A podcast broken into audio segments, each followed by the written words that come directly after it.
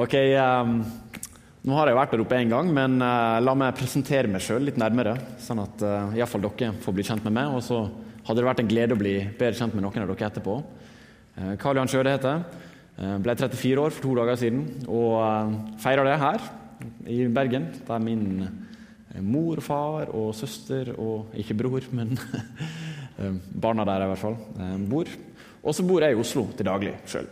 Der er jeg gift med Katrine, og vi har to barn. Sigmund og Samuel. Jeg er veldig glad i dem. De kunne ikke være her i dag, dessverre. Og så uh, tar jeg daglig T-bana. Nå har jeg fått med meg at en har bybane her i byen òg. Den skal ikke være dårligere enn Oslo. Uh, jeg har også fått med meg kostnaden til bybana. Men vi har T-bane i Oslo, den tar jeg hver dag til jobb. Og når jeg tar eh, T-banen til jobb, så sitter jeg gjerne med sånne her svære monster av noen øretelefoner eh, over hodet. Har dere sett dem? De har blitt ganske populære, disse såkalt støydempende øretelefonene.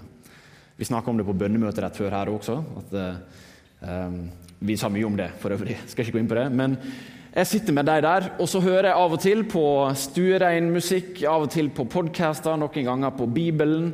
Eh, og så har jeg mine øyeblikk der jeg hører på opera.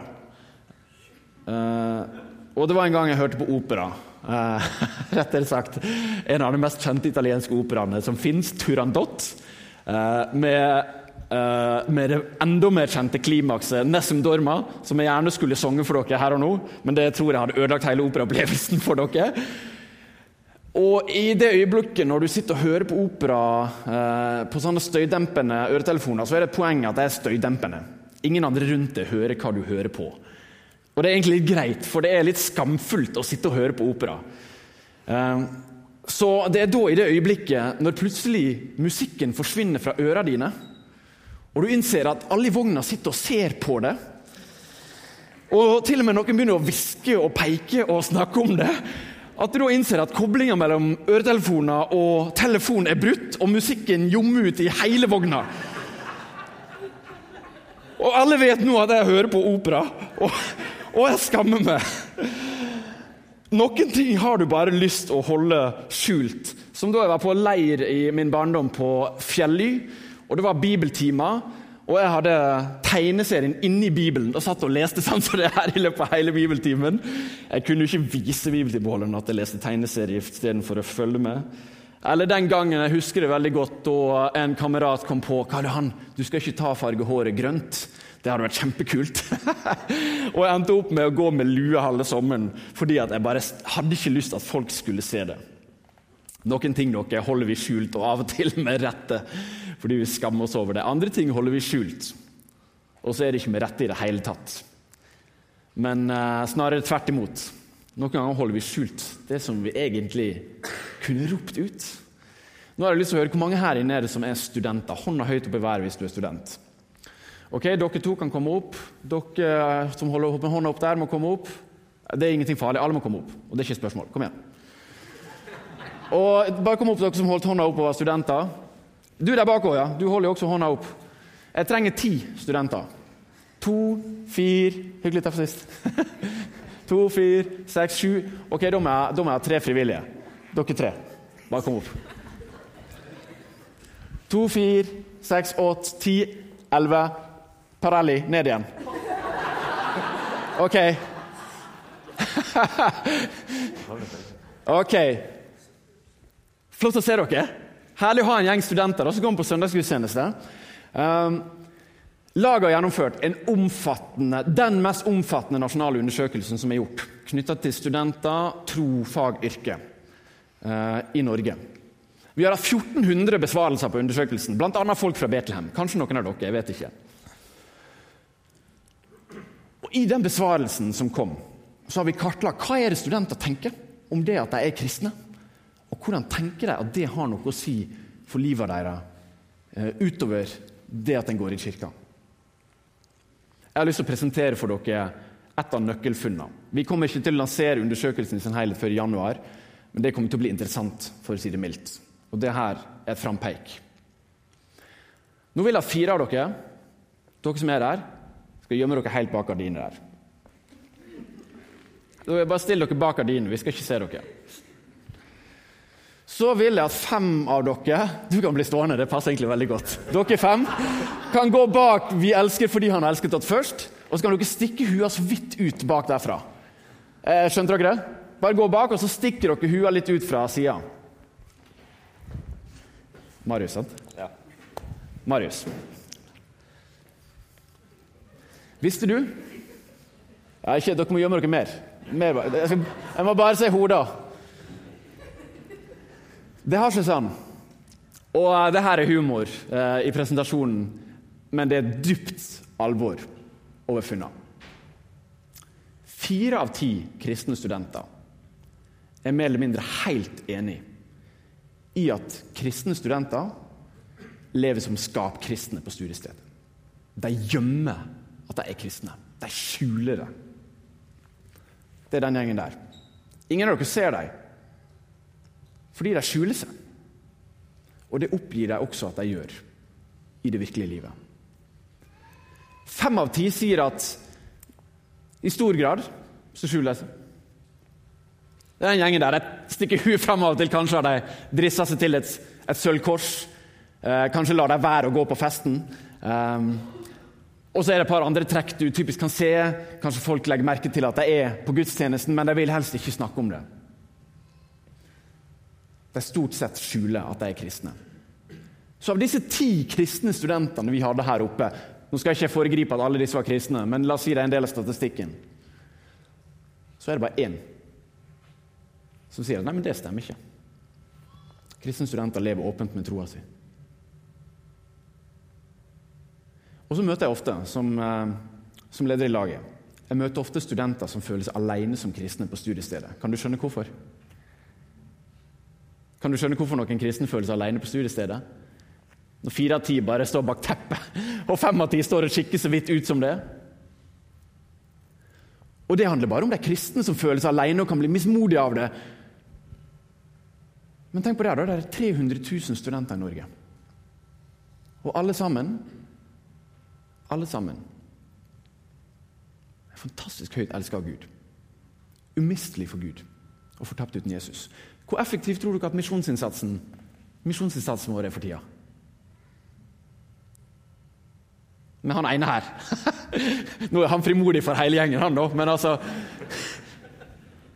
Dere kan komme fram igjen bak skapet. Ut av skapet med dere.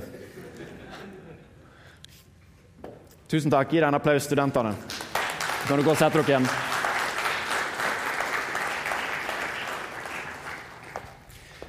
Jeg sendte en sånn uh, infographic uh, før møtet, men jeg er ikke sikker på om han uh, er kommet med. Jo, der er han jammen det. Dere? Ni av ti skjuler troa si. Og det er til tross for at bare 6% av de samme folka sier at det er en privatsak. Så de mener ikke egentlig at de burde skjult troa si, de gjør det bare likevel. Og Som dere ser i statistikkene, så, så er det aller færre som snakker regelmessig overhodet om sin kristne tro med noen. Og, et stort flertall gjør det egentlig bare når de sjøl blir spurt direkte om troa si. Jeg har ikke kommet her for å banke Bibelen i huet på dere og gi dere dårlig samvittighet overfor det her. Jeg har bare kommet for å slå fast at der er vi dere. Og i et Guds perspektiv så er det krise.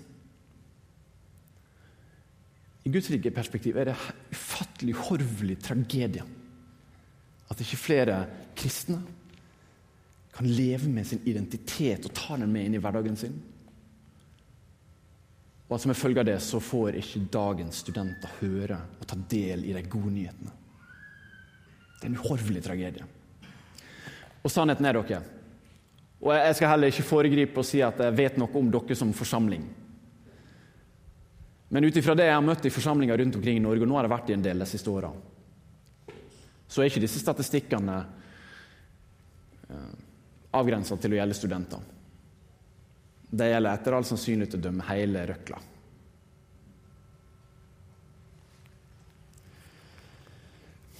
Temaet jeg fikk lov til å velge i dag, det er at jeg tror ei privat tro vil føre til kirkas undergang.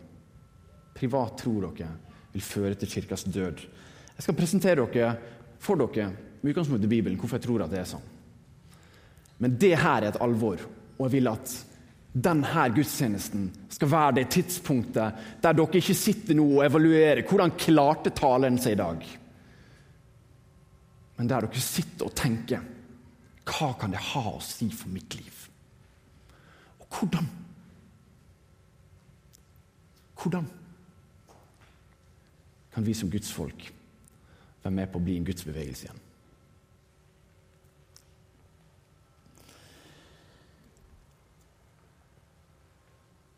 Det er fascinerende det her som skjer med at vi på den ene sida skjuler at vi er kristne. Og På den andre sida sier Jesus eksplisitt i misjonsbefalinga si at han har fått all makt i himmel og på jord. Gå derfor ut. Han har fått all makt i himmel og på jord. Gå derfor ut og gjør alle folkeslag til disipler. og så er det også et enormt paradoks i at vi skjuler det når han attpåtil sier det her. Men han har ikke bare sona for oss som sitter her inne. Han har sona for hele verden, skriver Johannes i 1. Johannes brev, kapittel 2, vers 2. Jesus har altså sona for alle de andre også, de som vi holder skjult for. Jeg tenkte på et sånt, et sånt bilde i den anledninga. Hvis du har gjort noe stort for noen, og for meg så er det nærliggende nå å tenke på en stor oppgave som ligger foran oss, som jeg tenker på med skrekk og gru. Huset skal males. Og maling er noe av det kjedeligste jeg vet i hele verden. Jeg er glad for at det fins eh, fagfolk som kan faget å male. Fordi jeg kan det ikke, eller iallfall ser på det med svært ublide øyne og skulle male først et første strøk, og så kommer andre strøk i tillegg. Og du ser ikke engang forskjell på det du har malt for andre gang kontra det du malte første gang. Men la oss si at noen malte huset for meg både første, andre og tredje strøk. De bar den byrden for meg, og de visste hvor tung den var for meg å bære. Tror du ikke jeg ville klødd i fingrene etter å fortelle meg det? Det tror jeg. Det hadde iallfall jeg klødd i fingrene etter å fortelle noen andre. hvis jeg måtte lidd meg gjennom de fire veggene på det huset. Når noen har gjort noe ufattelig stort for det, eller for noen andre, så skylder vi de andre å fortelle deg at vet du hva? Det her er allerede blitt fiksa. Det er gode nyheter. Og Vi trenger å vite i den menigheten her at selv om den salen her fylles opp til randen, og det er ikke plass til flere, så er det fortsatt sånn at Gud vil at alle mennesker skal bli frelst. 1. Timoteus 2,4. Alle mennesker ønsker Gud at skal bli frelst. Det fins ikke et menneske i din omgangskrets eller familie eller på din arbeidsplass eller på ditt studiested som ikke Gud ønsker at skal få ta del i det. Så når vi skjuler det, hva er det som skjer da? Vel, er det noen her som kan gå ut i spagaten? Ja, det var ikke et retorisk spørsmål. Du skal slippe å vise det hvis du tar opp hånda. Er det noen som kan det? Det hadde vært veldig kjekt om du kunne vise det, men jeg kan jo forsøke altså her, å gå ut i spagaten. Men det er omtrent så langt jeg kommer uten å ikke skulle komme meg opp igjen. Det her er spagaten som veldig mange av dere befinner dere i. Du kommer her i kirka i dag, og så bruker vi svære ord. Åh, det begynner å skjelve her. Vi bruker svære ord om hva det er vi tilhører, evangeliet vi har fått, den flotte gava, hvordan det er det beste som har skjedd oss, hvordan det virkelig har ringvirkninger i alle områder av livet, hvordan alle skulle fått høre det, hele verden skulle fått høre det enefoten godt planta. Her i Betlehem tror jeg at dere har foten godt planta i dønn solid, god forkynnelse og teologi. Og så er problemet at sannsynligvis mange av dere har en fot til. Den foten befinnes ute i hverdagen din i morgen. Her er han. Der du skjuler troa di. Der du kjenner på forlegenheten for at det skal komme på barna eller der du egentlig ikke har tatt deg tida med å finne ut hva det andre er opptatt av, sånn at du kan finne ut hvordan evangeliet kan snakke til deres liv. Og Jo klarere og tydeligere en forkynner her, og jo mindre det har å si for der, jo større blir spagaten. Og jeg har møtt så mange. Som bibelskolelærer, f.eks. Som har bare gitt opp. For den spagaten der er ikke laga for livet. Det kalles kognitiv dissonans.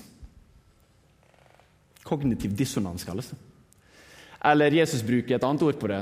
Du kan ikke tjene to herrer. Du kan ikke tjene to herrer.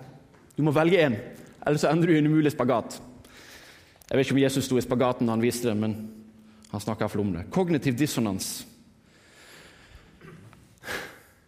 Det er når vi tenker og tror noe på den ene sida som vi mener at det er riktig og sant, ja, attpåtil Guds ord.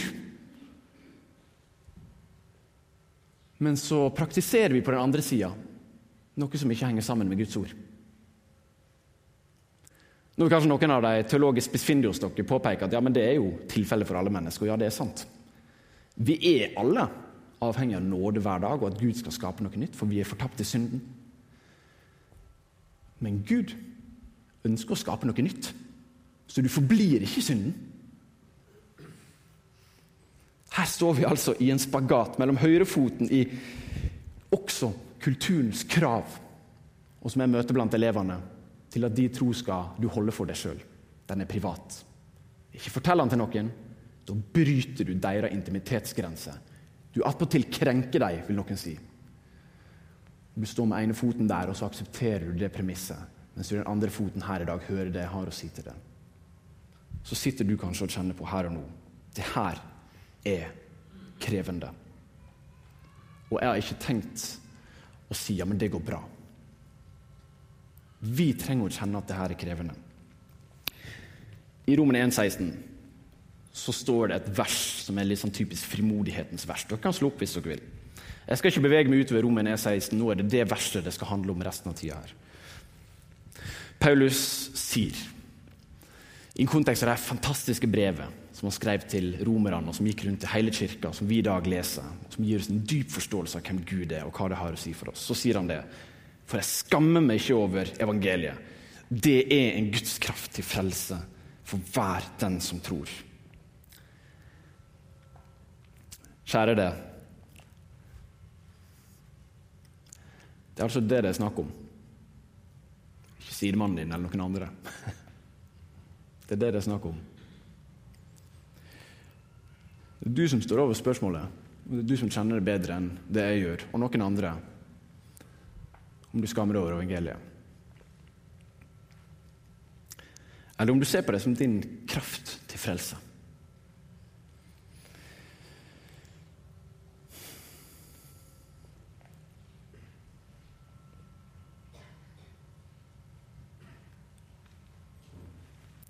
Vi prøver ofte å løse kognitiv dissonans fordi vi kan ikke leve i det over tid. Kognitiv dissonans, for å ta noen eksempler. Det kan være sånn Jeg vet jo at røyking dreper, men jeg gjør det likevel fordi det er så godt. Så jeg, må, jeg unner meg det. Sånn vil noen da unnskylde seg for å kunne fortsette å, å røyke. Fordi at de på ene sida har kunnskap om noe, men på andre sida har de lyst til å gjøre det. Så de finner en måte å leve med og kunne fortsette praksisen sin. Eller som en del mannfolk her inne, jeg trenger ikke å holde fartsgrensen som alle andre, for jeg har jo full kontroll. Sånt? En finner en måte å forklare hvorfor eh, regelen som en egentlig vet, at når du kjører raskere, dør flere, med at ja, men det gjelder ikke for meg, for jeg har full kontroll. For jeg er mann. Eller du kan si i ditt indre jo da, jeg vet at Jesus er frelser. Hele verdens frelser og min frelser. Åh, men jeg har så mye annet å tenke på. Så jeg har ikke tid. Sorry, altså. Og så du å finne en måte å leve med det på. Der er to varige løsninger på den umulige spagaten. Og Hør etter nå, kanskje befinner du deg i en av dem. Kanskje er du ikke i denne spagaten. Og Gud velsigne det. Vi trenger det i Guds rike. Der er to varige løsninger. Du kan redusere spagaten ved å oppnå sammenheng mellom det høyre og det venstre beinet. Jeg ser da at en del tar med seg foten og går over der. De begynner å leve som om evangeliet er sant, men også som at det gjelder 24 timer av døgnet. Jeg vil ikke gi dere en sånn A4-fase på hvordan det ser ut. Jeg tror hvordan det ser ut, er like mangfoldig som det vi er mangfoldige her inne. Og Det er deilig å vite. Det er ikke jeg, eksempel, som er fasiten på hvordan det kan se ut, eller noen andre av dere. Vi er skapt med et fantastisk mannfold som viser at Guds rike ser ulikt ut. Men den bevegelsen er nå like fullt en måte å få spagaten til å gå opp på.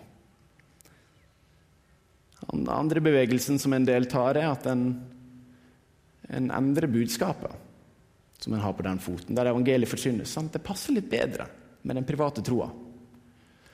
Sånn at en slutter å snakke i store ord om disse her tingene som egentlig er ganske kontroversielle, som frelse og Gud som herre i livet, om synd, omvendelse, om åndens tilstedeværelse. Og så vanner det ut, og gradvis, sakte, men sikkert som den kokende frosken, så forkynner en ikke lenger evangeliet i kirka.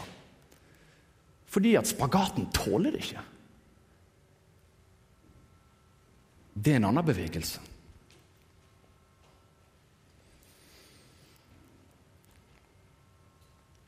Jeg tror at vi skal være var for den bevegelsen. For den bevegelsen der, den har en tendens til å føre til de ni av ti som jeg snakker om. For det er en annen måte å takle det på. En siste en. Du fortsetter å snakke som før i kirka og opptre som om det er sitt eget lille økosystem. Og så blir du en kirkekristen. En søndagskristen som kan fortsette å bruke alle disse ordene om det, fordi det hører hjemme i økosystemet. Sånn skal det være. Men du blir veldig bevisst på at det bringer du ikke med deg inn i hverdagen din. Du blir en privat kristen som holder det unna det. Og det vil jeg si, den private troa vil føre til den menigheten her og kirkas undergang hvis det får lov å blomstre. Nå er ikke jeg vanligvis noen dommedagsprofet, men det, er litt sånn der alvor over sånne funn. Og jeg ønsker at det alvoret igjen skal være over oss. La meg fortsette her i, i Romene 1,16. Paulus skriver at han skammer seg ikke over evangeliet. Vel, hva er det som gjør at vi skammer oss over evangeliet i vår kultur? Har dere tenkt på det? Hva er det som gjør at mange vegrer seg for å snakke om kristen tro eller å bli identifisert med det? Jeg vet at det er folk her inne som ikke identifiserer seg med det jeg nå beskriver, men du trenger å vite at ni av ti studenter gjør det. Og sannsynligvis veldig mange flere av dere enn dere tenker. Men hva er det som gjør? Vel, jeg tror det handler om at vi lever i en kultur som har et bestemt syn på hva det er å være kristen. Og det bestemte synet for å si det sånn, det er ikke spesielt gode nyheter. Det er det synet at å være kristen, det er begrensende. Begrensende. Det hindrer deg fra å, å leve ut ditt fulle potensial kontra forløsende, som vi tenker at evangeliet er. Videre så har vi en kultur, og studentene i særlig grad lever i en kultur som sier at det er uopplyst å være kristen, kontra det å være opplyst og fornuftig. Videre så har vi en kultur rundt oss som sier at det å være kristen, det er jo å være fordømmende. I motsetning til den forløsende kjærligheten som vi snakker om når vi snakker om det å være kristen. Og Videre så er det med så mange som har sagt at det å være kristen gjør deg ulykkelig. I motsetning til den lykken som vi sier at det gir å tilhøre Jesus Kristus. Kokt ned til sin essens så lever vi i en kultur som syns at vi har dårlige nyheter å komme med. Og derfor holder mange munn. Ikke nødvendigvis fordi de tror på det kulturen må fortelle, men fordi de kjenner at frimodigheten i møte med det der er svak. Hva tror du? Hva frelsesbudskap kjenner du at klinger best hos deg? Kan du gjenkjenne det i kulturen vår sin beskrivelse av din tro? Eller gjenkjenner du det i motparten, den som vi mener at blir forkynt gjennom Jesus Kristus og beskrevet i Bibelen?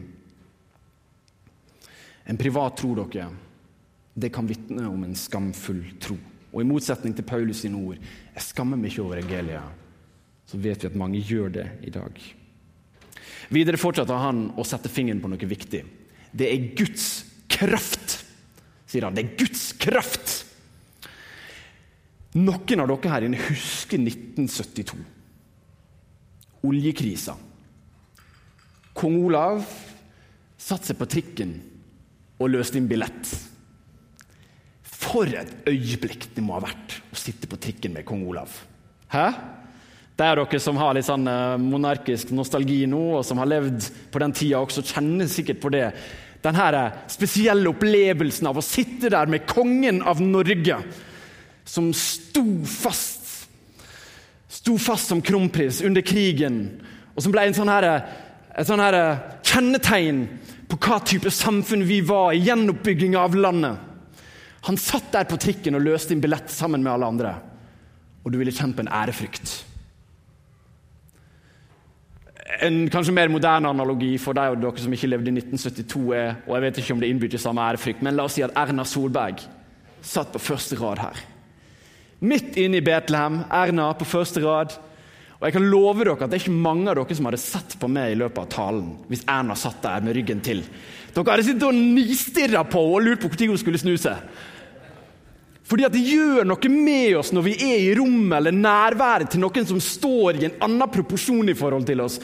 Og Disse står i en annen proporsjon i forhold til oss fordi de har mer makt, de er mer kjent, og vi kjenner, føler at vi kjenner dem, men de kjenner ikke oss.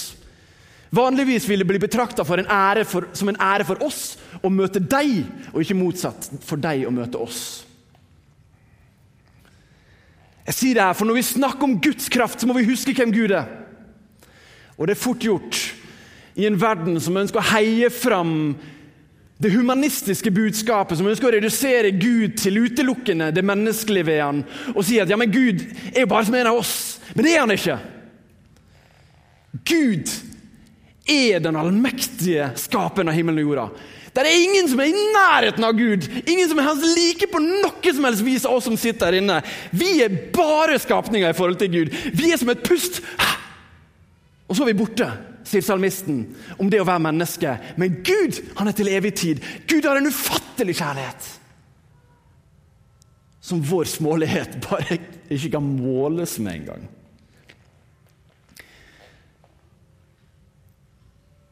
Vi forstår ikke Guds kraft fordi vi ikke begriper hvem vi har med å gjøre. Men Guds kraft, sier Paulus, det er det som virker i ham til bekjennelsen av evangeliet. Den uendelige krafta, altså. Som er så mye større enn det vi våger å tenke noen ganger. Og selv om Gud er så mektig, så er det faktisk en ting han ikke er mektig nok til å gjøre. Det fins ikke en eneste en her inne som Gud kan tvinge til å frivillig elske han. Det er ikke en eneste en av dere Gud kan tvinge til å frivillig si 'jeg tror på han'. Hadde Gud kunnet gjøre det, så hadde jo saken vært biff. Da hadde han jo skapt oss med fri vilje og tvunget oss til å frivillig elske han. Men vi vet at akkurat like lite som han kan gjøre det, og like lite som jeg kan tvinge min sønn til å frivillig uh, ta oppvasken eller uh, tvinge min kone til å frivillig støvsuge huset, så kan rett og slett ikke Gud tvinge oss til å frivillig følge han. Derunder ligger jo hele behovet for at Jesus ble menneske. For en ting er, Hvis Gud hadde vært der i all sin allmakt, så kunne vi ikke la være å bøye kne. Da hadde vi bøyd kne, alle som en. Fordi Guds nærvær ville tvunget oss til det. Men når han åpenbarte seg gjennom Jesus Kristus, så viste han seg på en måte til oss som gjorde at vi tålte hans nærvær og samtidig fikk kunnskap til å kunne velge. Skal vi ta imot dette budskapet om frelse, eller skal vi avvise det? For det er til frelse evangeliet er. Og det er til frelse for hver den som tror Paulus skriver at evangeliet er.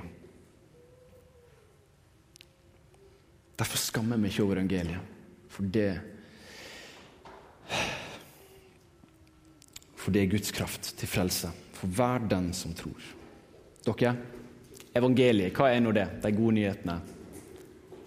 Det er Jesus. Han er de gode nyhetene. Det er Jesus som er de gode nyhetene. Han er de gode nyhetene. Det er derfor vi synger til ham. Er derfor vi ber i Jesu navn. Det er derfor når vi leser i Bibelen om han, så forvandler han oss gjennom sin ånd. Jesus er de gode nyhetene. Vi lever i en verden der mennesker trenger å få møte han. De trenger ikke å få møte skamfulle kristne som har kjøpt ideen til kulturen om at vi har dårlige nyheter, men de trenger å få møte kristne som skjønner at Jesus han er gode nyheter. Det at han har med oss å gjøre, er kjempegode nyheter. For i Jesus så ligger det det fantastiske under at Gud, uansett hvor stor og allmektig han var og er, likevel sa seg villig altså til å tre inn i vår hverdag, akkurat sånn som han utruster oss. Til å tre inn i andre sin hverdag.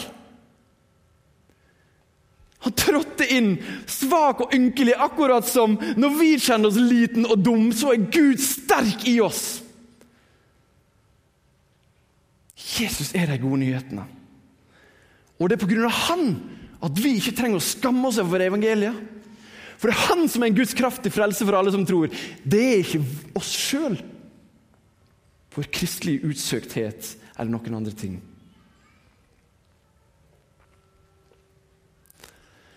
Jeg vil utfordre dere helt til slutt nå. I møte med virkeligheten vi befinner oss i, og en verden som trenger Jesus, hva skal din respons være?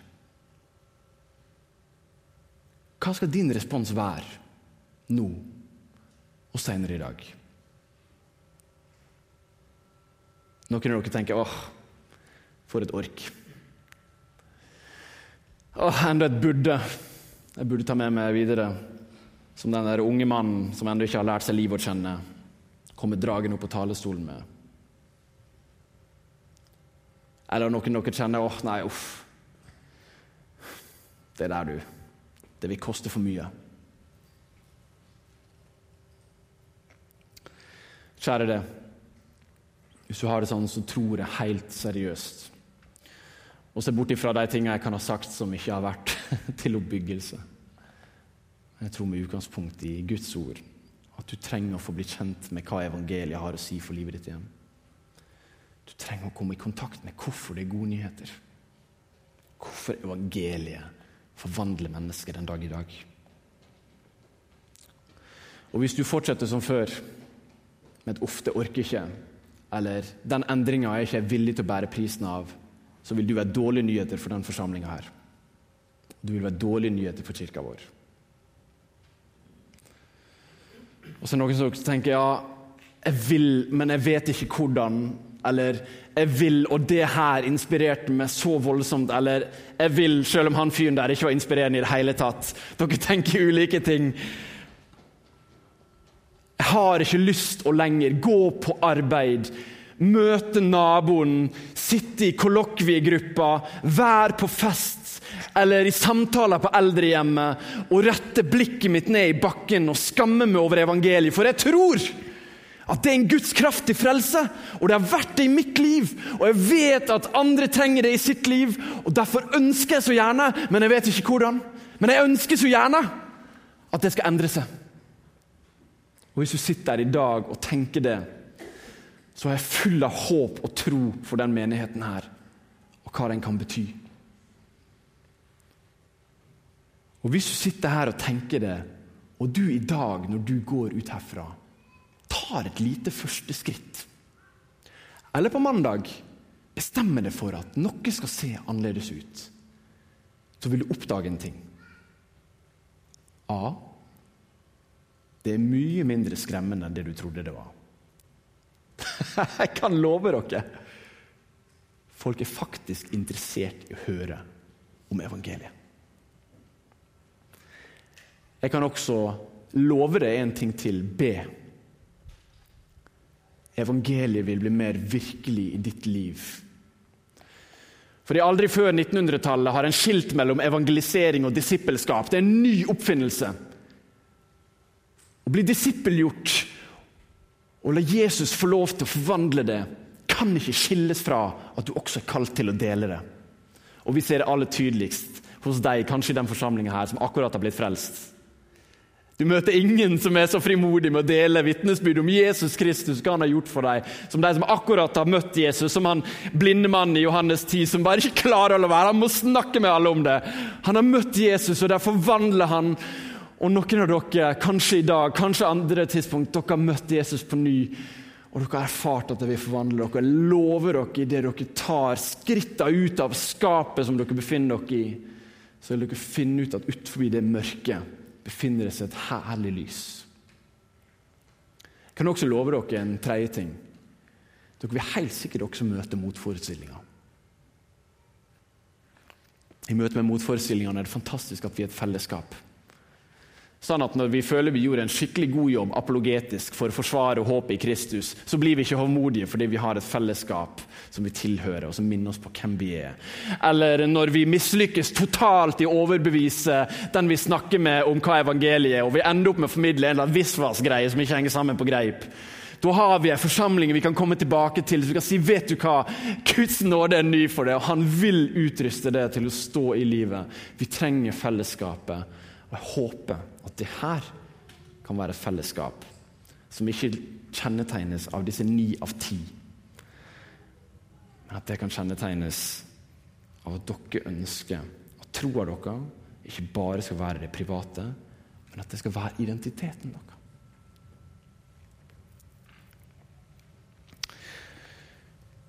Da kan de som skal spille, komme opp. Dere kan få sitte i stillhet bare kort tid nå og tenke på hva dere har respons. Til Paulus sitt frimodige vitnesbyrd jeg skammer ikke over evangeliet, for det er en Guds kraftig frelse for alle som tror. Og La det synke inn. Hvordan har det å si for ditt liv?